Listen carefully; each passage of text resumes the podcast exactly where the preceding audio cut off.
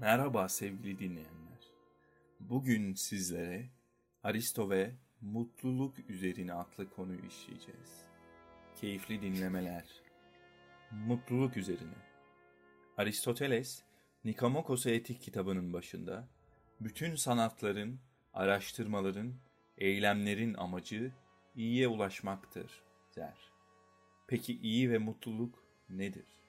Nasıl elde edilir ve nasıl korunur? Amacın tali yollara nispeten daha tercih edilebilir olacağını düşünürsek eğer, mutluluk ulaşılmak istenen en büyük amaçtır dersek yanılmış olmayız. Çünkü mutluluk elde edildiğinde kaybedilmeyecek, sürekliliği sağlamak için çaba harcanması gerekmeyen yegane şeydir. Bundan dolayı filozofların ekseriyeti, bedeni dışsal hazların elde edilmesinin ve kaybının birbiri ardına kazanım kaybedileceğini düşündükleri için bu harici mutluluk sebeplerinin güvende olmadığını, zamanın, zamanın saldırılarına açık olduklarını düşünürlerdi.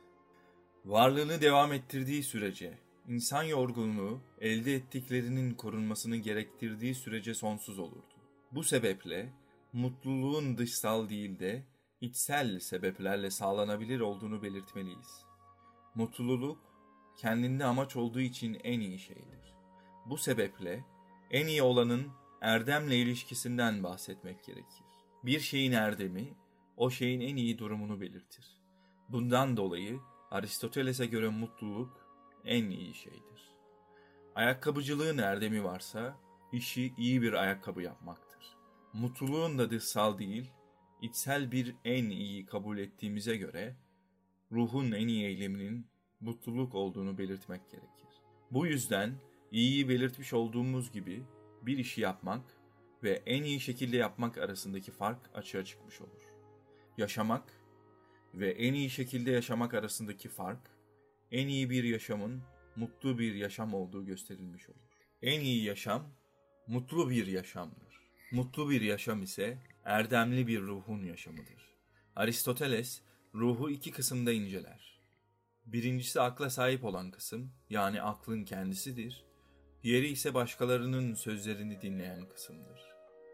Erdemler de buradan hareketle tanımlanır. Düşünce ve karakter erdemleri olarak ikiye ayırmamız gerekir. Düşünce erdemleri, bilgelik, doğru karar alma ya da aklı başında olmadır. Karakter erdemleri ise cömertlik ya da ölçülü davranmaktır.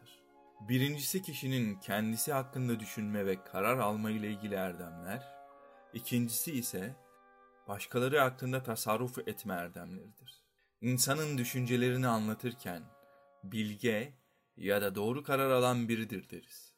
Karakter erdemlerinden bahsederken ise cömert ve ölçülüdür deriz. Yazan Muhammed Ali Aslan, seslendiren Aykut Tüzemen